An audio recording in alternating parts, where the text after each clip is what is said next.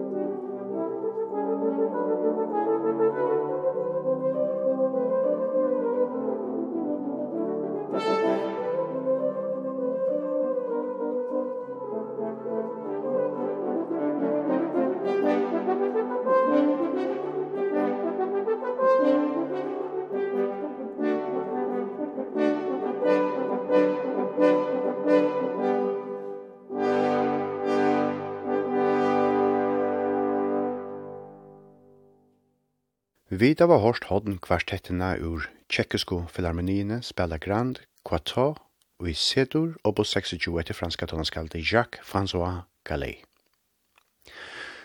Ur Freklande flytta vi dokken til Tysklands, og for at høyra blasara kvintett opus 6 nummer 2 etter Frans Danzi. Talan er om at kammer tonleggara stikje fyrir blasara kvintett, Frans Dansi, som levde fra 1633 til 1826, var et tøkst, tonaskalt og selvelegare, og var ein tøyande figurer i menningene, eller byrjanen av de romantiska tonastalia tøyerskainen.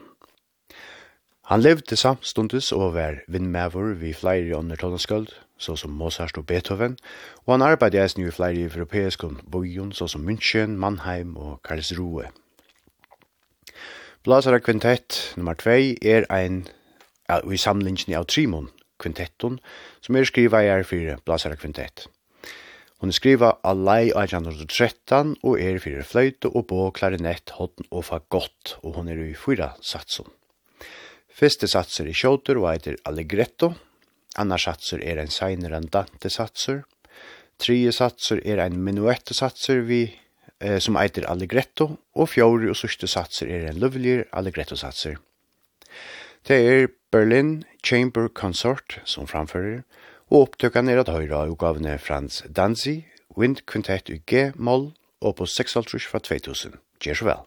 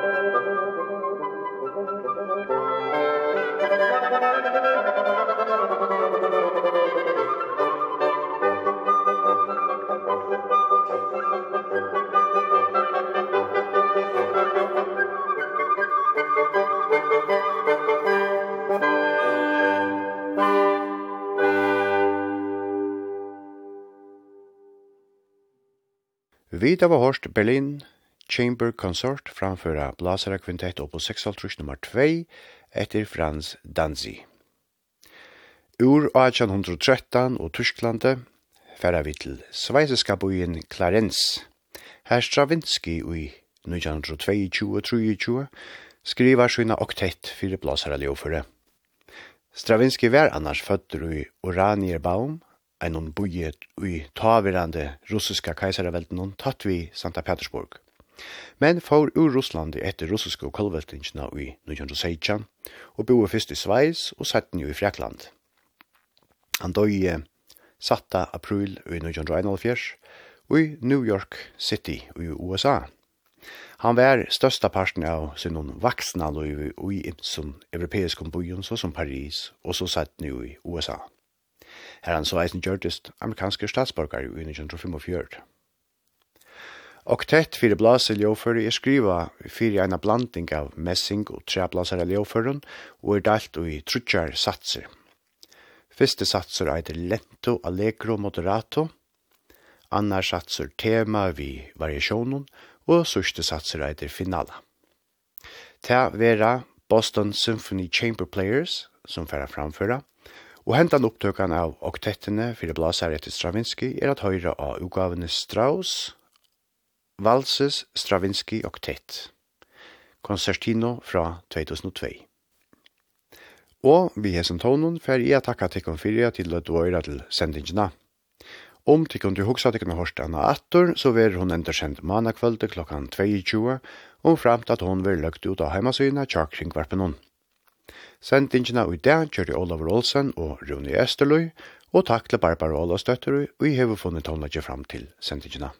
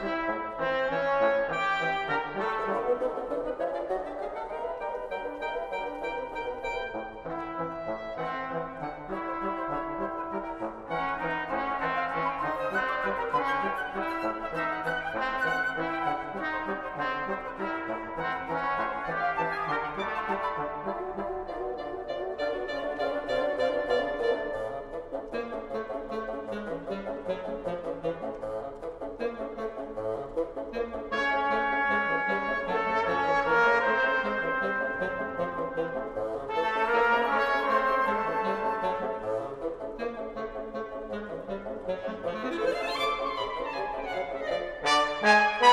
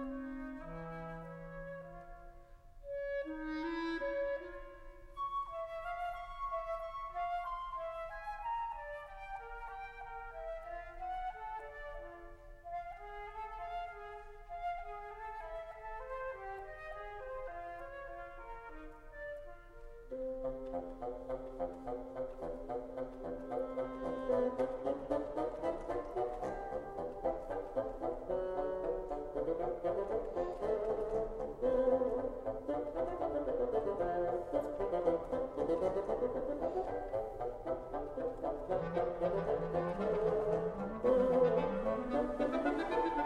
you.